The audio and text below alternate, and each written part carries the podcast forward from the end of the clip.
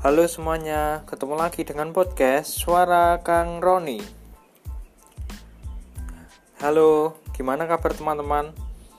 Semoga sehat-sehat aja ya. Sudah satu bulan lebih kita berada di rumah aja. Kegiatan-kegiatan yang awalnya bisa dilakukan di luar rumah, kini pun harus dilakukan di dalam rumah. Bahkan sangat terbatas sekali kegiatan yang bisa dilakukan di dalam rumah. Kalau dulu bisa bepergian kapan pun kita mau, tapi sekarang rasanya harus mikir-mikir ulang deh. Kira-kira nanti kalau aku bepergian, beresiko tertular virus corona apa enggak ya? Kira-kira nanti malah menularkan ke keluargaku atau enggak ya? Akhirnya, banyak rencana pulang yang harus ditunda, banyak kerinduan yang harus ditahan karena ingin menghindari resiko yang lebih buruk, yaitu menularkan penyakit ke keluarga. Memang sebuah virus corona membuat banyak hal berubah. Banyak kegiatan yang pada akhirnya ditiadakan, ditunda ataupun dilakukan dengan cara lainnya. Nah, selama masa-masa pandemik ini kan kita banyak di rumah aja kan setiap orang memiliki cara masing-masing untuk melewati masa-masa ini.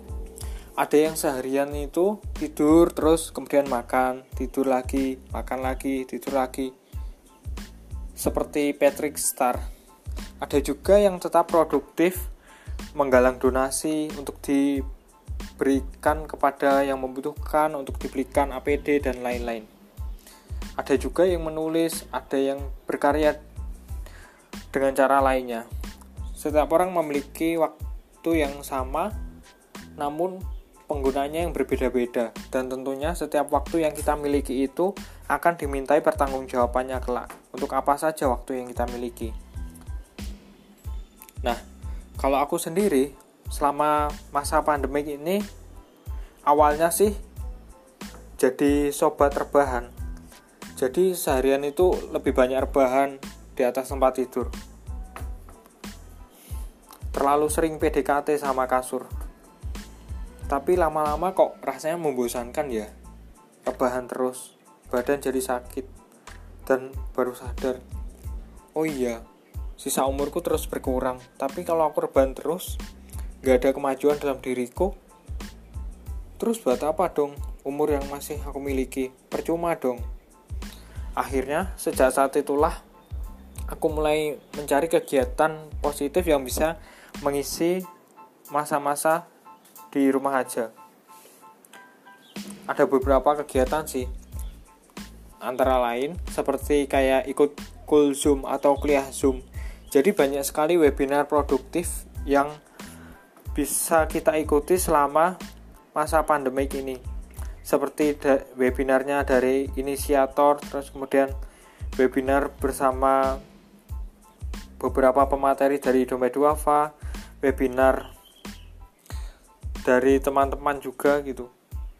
Terus ada juga kulwap atau kuliah WhatsApp. Nah di Instagramnya kulwap NSL itu banyak sekali informasi kuliah WhatsApp yang kita ikuti.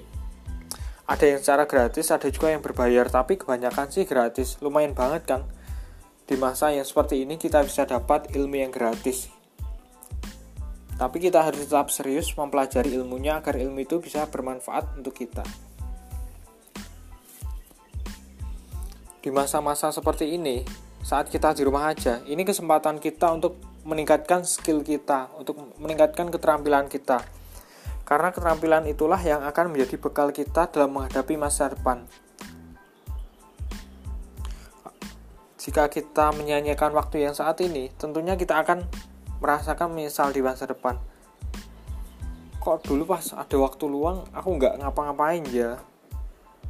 Ah, seandainya dulu aku sempat belajar ini dan itu tentunya hidupku tidak akan sesulit ini. Nah sebelum penyesalan itu datang kita harus memanfaatkan waktu yang kita miliki saat ini dengan sebaik-baiknya untuk meningkatkan keterampilan kita dengan hal-hal baru. Keterampilan-keterampilan yang akan kita butuhkan di masa depan caranya ya tadi ada webinar di Zoom, Google Meet atau ikut kuliah WhatsApp gitu. Terus kegiatanku yang lain sih membuat podcast seperti yang sedang aku lakukan saat ini. Alasanku membuat podcast ada di episode sebelumnya silahkan didengarkan. Terus alasan lainnya sih menulis ya masih menulis ringan sih menulis konten di Instagram menulis kisah sehari-hari di blog gitu. Sebenarnya aku memiliki target untuk menulis buku di Ramadan ini. Tapi kok kayaknya apa ya masih mentok gitu ya buat nulis buku. Kadang masih bingung aku nulis apa lagi ya setelah ini? Naskahnya ini gimana ya? Jadi kalaupun di bulan Ramadan ini aku belum bisa nulis buku. Harapannya buku itu tetap jadi dan tetap bisa dipublikasikan. Mohon doanya ya teman-teman. Semoga nanti aku bisa menulis buku dan bisa memberikan manfaat di buku itu.